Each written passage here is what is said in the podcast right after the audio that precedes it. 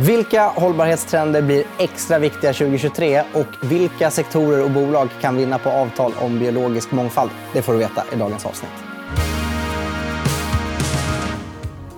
Ja, det är nytt år, ny kula och ett nytt hållbarhetsår därför. Jag har med mig Josefin Johansson som är hållbarhetsanalytiker på Handelsbanken. Välkommen hit. Tack så mycket. Du, eh, innan vi släpper förra året, hur skulle du säga att hållbarhetsåret eh, ur finansmarknadens perspektiv var 2022? Jag skulle säga att det var väldigt energifokuserat som, som, eh, som år och även då väldigt fokuserat på rapportering. För En hel del rapporteringskrav trädde i kraft i år. Då.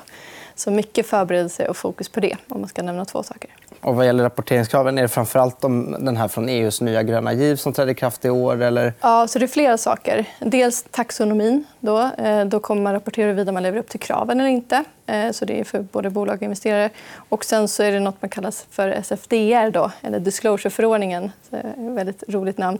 Eh, det handlar då om hur eh, finansiella aktörer beskriver sitt hållbarhetsarbete och integrering i investeringsprocessen. Så det är också en sån stor grej som träder i kraft i år ordentligt. Då. Det har redan börjat lite pö om pö här, men, men på riktigt då, med data och så kommer från 2023.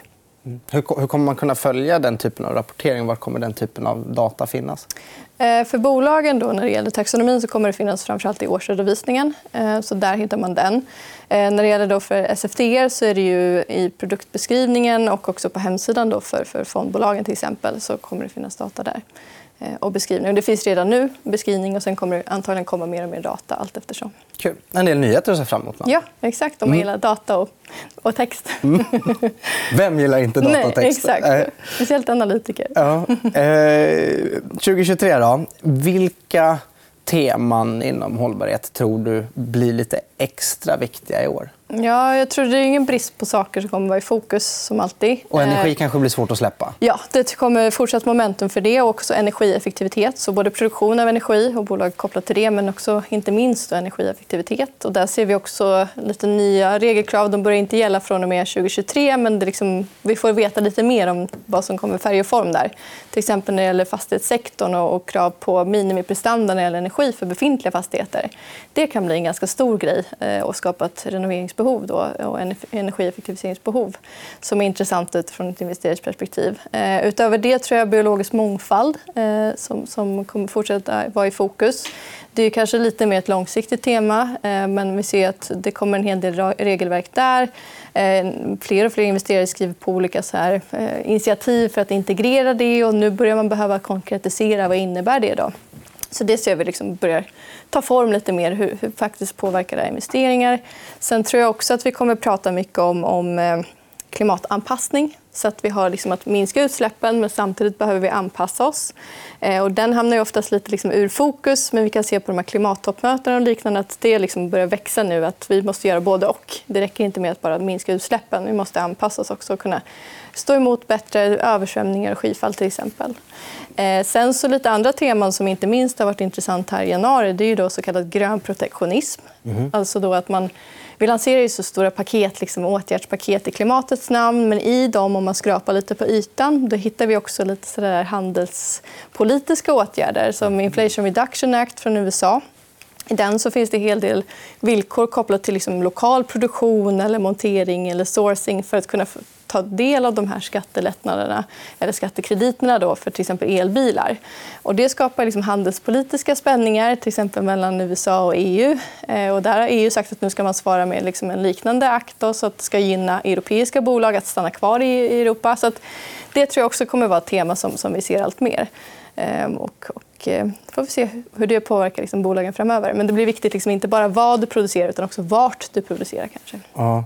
Så det är intressant. Och, å ena sidan kanske det är bra att producera lokalt för att ha mindre transporter. Men... Ja, samtidigt så ska det ju någonstans vara kostnadseffektivt. Det också ska ha tillgång. Vissa saker finns inte överallt. Eh, så det finns ju en risk att det liksom saktar ner omställning. Samtidigt som om det gör att det kommer massa initiativ som gynnar liksom bolag som, som bidrar till omställningen så kan det gynna också. för att Det blir någon form av tävling om ska de finnas i Europa eller USA och liksom ge bättre förutsättningar. Men, men eh, det beror lite på hur de här eh, initiativen tar form och sen också om, om olika regioner kan komma överens överens om liksom, hanterar vi eventuella handelshinder här. Mm. Jag antar att faran är om tävlingen om vart saker ska vara tar överhanden och blir viktigare än att faktiskt komma någon vart med arbetet. Jo, exakt. Och också just att det, det ska vara man vill ju att det ska vara kostnadseffektivt eh, och också att det då sker inte alltså så snabbt som möjligt i slutet sist. Sen kommer det ha effekter. som man pratar om, om man ska slänga in ett begrepp till, greenflation då, som är inflation drivet av de stora investeringar som behövs i klimatomställningen som driver upp efterfrågan på vissa typer av material och komponenter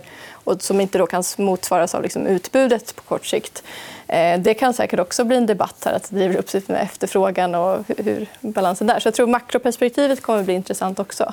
Ja. Vi har blivit väldigt medvetna om inflation på senaste tiden. Jag tänkte säga det. Inflation börjar nästan bli ett skällsord nu. Ja, i alla fall mer relevant än vad det varit innan på ett tag. Ja, då fanns det inte. Nej. Eh, om vi ska djupdyka lite då i, i, i energibiten. Mm. Vi har en energikris i Europa. Samtidigt så här, finns det risk att vi inte riktigt har råd att bara fokusera på att bygga ut hållbara energikällor när det, liksom, det är lite bråttom att lösa problemet. Det har varit en tuff vinter tror jag, för många. Nästa år, ja, vad hinner man få på plats till nästa vinter? Det, det, det är inte så att du bygger ett nytt kraftverk på en vecka. Liksom. Eh, och att man då skjuter brett och inte har tid att bara fokusera på sol, vind och vatten utan att det kanske blir lite snabbare lösningar och starta upp gamla olje och kolkraftverk. Till exempel. Ja, och det har vi sett att på kort sikt, liksom här just nu, så har det blivit en ökad andel kolkraft för att kunna ersätta den gas som, som vi tidigare fick från, från eh, Ryssland. Men här ser vi, ju, om vi tittar liksom inte jättelånga perspektivet utan det medellånga perspektivet så kan man snarare se, i alla fall från EUs håll, att man vill accelerera de initiativ man har till exempel kopplat till förnybart och utrullningen av det. Man även i till exempel svensk kontext börjar prata mer om fossilfritt, alltså kärnkraften också. Eh, så det är ju inte nödvändigtvis att man pratar om att nu ska vi bygga ut våra oljetillgångar eller kolet utan det har också accelererat planerna på, på just förnybart eller fossilfritt. Då. Eh, och där är också intressant för att de här geopolitiska faktorerna som vi har blivit liksom medvetna om det senaste året det har också visat på risken i att vara beroende av ett annat land för energiförsörjning. Att energiberoende har blivit allt viktigare. Och där blir ju förnybart en viktig komponent. För Det är ju energi som många kan ha utan att liksom behöva ha en oljetillgång eller liknande. Sen är det klart att i Sverige så kanske solpaneler inte är riktigt lika bra som i Spanien. Men här så behöver vi flera energislag samtidigt. Mm. Eh, börjar kärnkraft komma in lite i någon slags värme eller vad man ska kalla det för sista året? Jo, helt klart. Ja. Ehm, och där, inte minst från ett politiskt håll i Sverige till exempel, så, så är man ju inne på att eh, ändra lagstiftningen för att kunna främja mer kärnkraft. Eh, sen så, så, är väl den också den är ju fragil i den mån att händer det någonting någonstans i något kärnkraftverk så tror jag att det kan gå ganska snabbt till att det hamnar i kylan då igen. Mm. Eh, men, men, man har ju kanske man har blivit insett att dels behöver man ju fler energislag. Sen så tycker jag ofta att diskussionen blir liksom att okay, nu ska vi ha kärnkraft istället för vind. Och Det är inte nödvändigtvis det vi ska säga. Utan vi behöver fler, mer energi, flera olika energislag som spelar olika roll i energisystemet. Så att, eh, jag tror man ska också inte tänka att nu ska vi bara ha kärnkraft. För Det är liksom ingen silver bullet på det viset. Utan det är en del då i det här. Det är som med aktier, man ska diversifiera. Exakt. Eh, sen får vi se hur mycket kärnkraft man borde ha för att få en liksom, bra riskjustering. För det är, inget, det är inte riskfritt, det energislaget. Nej. Ehm... Men, men energieffektivisering då, det är ju också tänker jag, lite lättare att liksom få till på kort sikt. Ja. Att vara lite smart i vad man gör. Det kan man göra imorgon. Det går ju fortare. Ja. Vad, vad är det som händer på det temat och vad kan hända i, i år? tror du? Ja, men dels så har ju kalkylen för energieffektiviserande åtgärder blivit bättre av höga energipriser och också en oro för tillgång på energi. Så att de bolagen som säljer allt ifrån liksom energieffektiva fönster till eh, fönster, eller belysningssystem mm, men också justeringar i befintligt system, hur man kan optimera. Det har ju blivit ännu mer attraktivt än tidigare. och Inte bara då från ett klimat eller miljöperspektiv utan från liksom ett ekonomiskt perspektiv. Eh, sen så, där så, så är det ju intressant från ett regulatoriskt perspektiv vad som sker. Eh, utan att bli alltför teknisk och tråkig så ska ju EU, då, som jag nämnde innan, hålla på att fundera på, på att eller kommer att introducera någon form av krav på befintliga fastigheter när det gäller energiprestanda. Mm. Eh, det ligger en bit bort, kanske tidigast 2027 eller ännu senare. Men om du ska ställa om till dess och klara av de här kraven för annars kanske du inte får hyra ut din fastighet eller du kan få böter då måste man börja ganska snart. Så att bara för att det börjar gälla kanske 2030 eller 2027 så kommer det liksom ha effekt tidigare än så. Färg och form på det är inte klart än. Utan det ska sättas i år. Då. Men det blir väldigt spännande att följa. för Det kan liksom ytterligare ha en drivkraft för den här energieffektiviseringsvågen. Mm. Men även utan det så ser vi liksom ett momentum. Hör, hör, eller ser eller läser du nåt från, från börsbolagen på det temat också? Att fastighetsbolagen har ögonen på, på det här du nämnde på slutet? Eller att bara kasta ut ett exempel. Inwido märker att det är en större efterfrågan på just liksom, mer klimateffektiva fönster. Ja, sen är det, samtidigt konjunkturen och mindre nybyggnation. Och det, är liksom, det är mycket som spelar in här. Men ja. man kan ju se det helt klart från, från bolagen att senaste åren har man sett en ökad efterfrågan på energieffektiviseringar. Men att senaste året så har ju flera, alltifrån installatörer till liksom de som producerar produkterna sagt att det finns en ökad efterfrågan. Men också då att, att eh, pitchen har blivit mycket lättare. För att återbetalningstiden går ju snabbare om du har ett högre energipris. Mm. Eh, och också då om vi ska titta från nu, inte bara de som tjänar pengar på det här, men om vi, när vi diskuterar med bolagen vi täcker om liksom hållbarhetsarbetet i kontext av en lågkonjunktur. Vad gör man, vad gör man inte? Vad skär man ner på? Så verkar just investeringar i energieffektiviserande åtgärder och också kanske egen produktion av energi i form av liksom solpaneler och liknande. Det håller man fast vid. Det kommer man göra. För där ser man liksom en, en ekonomisk rational också. Medan vissa andra investeringar kanske man skjuter på framtiden då, som är lite större eller som, som liksom tar lite längre tid att betala tillbaka eller helt enkelt kräver så mycket kapital att det, det kanske är svårt att få ihop just nu. Men man märker ändå att då, på grund av att nästan alla väntar sig en lågkonjunktur att man mm. ändå börjar välja lite mellan sina satsningar. Ja. ja. Det är, det, det, man går helt klart in i en situation där omställningen blir inte lättare när priset på pengar så att säga, går upp, att, att räntan stiger och att även riskaptiten går ner. För att mycket av de här projekten är ju eh, till viss del sånt som, som tar lite tid innan du får återbetalat. Du vet inte vilken teknik som kommer vara bäst. så Går riskaptiten ner så kan det vara svårare att få ihop kapital. Samtidigt kan man säga att det kommer också en hel del initiativ som just stöttar omställningsbolag liksom, och bolag som, som kan gynna den här omställningen. Så att, I relativa termer så är man ett sån typ av bolag så kanske man kan klara sig bättre än om man inte har någon bäring på liksom, klimatomställning eller liknande. För att då har man de här liksom, stimulerings, eh, eh, stimulerande åtgärderna som, som kan vara en liten push i ryggen liksom, som, som håller uppe mm. Vad, vad har hänt på greenwashing-temat den sista tiden? För Det är också något som är ständigt aktuellt. Liksom. Ja, det finns ju greenwashing, SDG-washing, alla möjliga washing. och Ingen blir man ren av i hållbarhetsvärlden. Då. Ingen som jag hittat än så länge. Då. Och den, det fortsätter vara högt upp på agendan. Jag tror det kommer bli ännu mer fokus under året. här. Och det handlar dels om att det nu går emot allt mer rapporteringskrav. Att kunna understödja det du säger med data på något vis. Eller kunna liksom, du kan inte bara säga att något är grönt, utan på vilket sätt hur bevisar du det? Och det kommer komma allt mer. Dels i befintliga ramverk som börjar gälla från och med nu. Men också så håller EU på att slipa på liksom att man kanske inte kan säga att något är grönt. Utan du måste konkretisera. Eh, till exempel om du har ett klädesplagg. Det är liksom inte sustainable eh, t-shirt utan det är 10% återvunnet bomull eller det är 3% liksom förnybar råvara. Det måste liksom specificera mer. Så att vi går kanske från att kalla saker från grönt och hållbart till att konkretisera lite mer. Vad är det för någonting vi menar? Är det energieffektivitet? Är det biologisk mångfald vi pratar om? Eller är det fossilfri? Alltså, konkretisera vad är det vi pratar om och bevisa det man säger. Mm.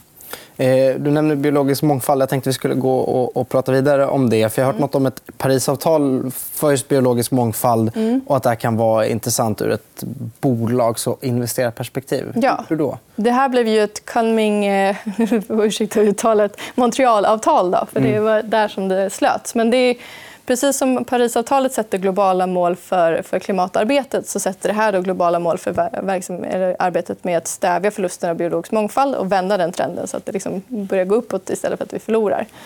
Eh, och vad innebär det då för bolag och investeringar? Det i sig är liksom inte legalt bindande men det kommer sannolikt då, som vi ser det trigga nationell lagstiftning och initiativ för att driva på det här att, att vi ska minska negativ påverkan på biologisk mångfald och främja liksom positiv påverkan. Och det är intressant, för det sätter ju spelplanen för bolagen. Eh, sen så kommer det vara olika sektorer som påverkas olika mycket. Har du några exempel? Eh, ja, men de som påverkas direkt kanske det är skogsbolagen. Där händer det väldigt mycket just nu från EUs håll, så där får vi se var vi landar. Men det kan påverka vilken typ av skogsbruksmetoder som, som man anser är bättre, hur man kan liksom säga att något är hållbart från skogen. Eh, vi har också jordbruket i mycket fokus, men också lite mer indirekt om du sourcar vissa typer av produkter som alltifrån palmolja då till bomull. Hur hanterar du det och vad måste du liksom rapportera kring det? Eh, ska man försöka hitta lite mer möjligheter så skulle jag vilja säga att dels i relativa termer, är det ett bolag som redan jobbar med det här eller har bra strategi, då kan du ju faktiskt gynnas av att du är längre på väg här eh, i relativa termer. Eh, sen så kan jag också tycka att konsultsektorn är intressant. För att om du som teknisk konsult har er tjänster kring rådgivning om biologisk mångfald, ja, nu ser ju efterfrågan på det ut att öka. Och det betyder fler timmar att fakturera. Eh, så det är en intressant segment som skulle kunna gynnas liksom här i närtid. Då för. Vet du några konsulter som jobbar med det på rak arm? Eh, ja, men av de vi täcker, då, eh, Reilers, Sweco och Afrys har ju samtliga rådgivning kring det. Sen är det svårt att plocka ut hur mycket procent av intjäningen kommer från just det. Det håller vi på att gräva i, så vi får se om vi blir något klokare där. Men, men samtliga har liksom det, den typen av tjänster som de erbjuder. Mm, intressant. Så det kan komma ett underliggande tryck på de tjänsterna? Ja, det tror jag. Och sen så har de ju annars, de är ju såna bolag med fingrarna i många syltburkar när det gäller liksom hållbarhetsfrågor. Så det är alltifrån liksom klimatomställningen till biologisk mångfald. Eh, så det finns mycket där som är intressant. Så, så konsulterna kan man säga generellt få, ser liksom, eller kan dra nytta av efterfrågan på alla möjliga typer av hållbarhetstjänster? Ja, det tror jag. Just för att det är ju, det, de kommer in ganska tidigt i processen. Alltså redan innan du börjar bygga vindkraftparken. Eller redan innan, det är de som är med och gör det. Tar fram det arbetet och är du duktig på det, ja, då kan du svara upp mot en efterfrågan som är väldigt mycket driven av regelverk just nu. Taxonomin driver på den. Du har också tvingande regelverk. för Taxonomin är ju rapportering, egentligen, även om mm. det har lite mer effekt än så. Men annars har du tvingande regelverk kring allt ifrån Eh, biologisk mångfald kopplat till skogsbruket till ökad eh, andel av förnybar energi. Så de kan ju vinna på att vi liksom behöver göra en omställning och de går ganska tidigt i, ledet här för att tjäna pengar på det. I oroliga tider och så där, kan man göra någonting med sitt sparande eller sina investeringar för att liksom hålla i hållbart och, och investera hållbart och, och påverka också med, med sitt sparande? Ja, om man ska tänka liksom vinna på hållbarhetstrenderna så är det fortfarande som vi är inne på hållbarhets, liksom, energieffektivitet. Det finns många hållbarhetsteman som fortfarande är ytterst aktuella även på kort sikt. Sen långsiktigt så håller ju liksom trenderna kvar.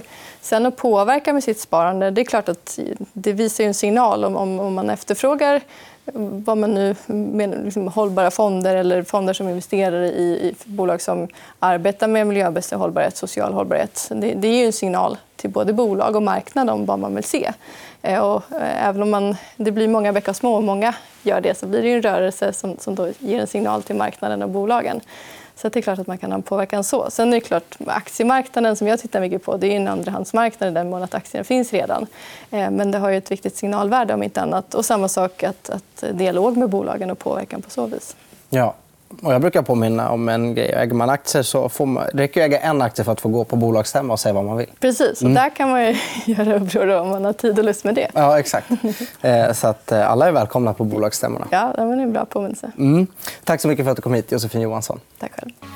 Och det var allt vi hade att bjuda på i dagens avsnitt. Men oroa er inte, vi är tillbaka på fredag igen. På Instagram heter vi EFN Aktiekoll och prenumerera också gärna på den här Youtube-kanalen. För då, då missar du inga nya avsnitt. Ta hand om er, hej då! Har lyssnat på EFN Marknad, en podd av EFN Ekonomikanalen. Mer om ekonomi och aktier finns på efn.se.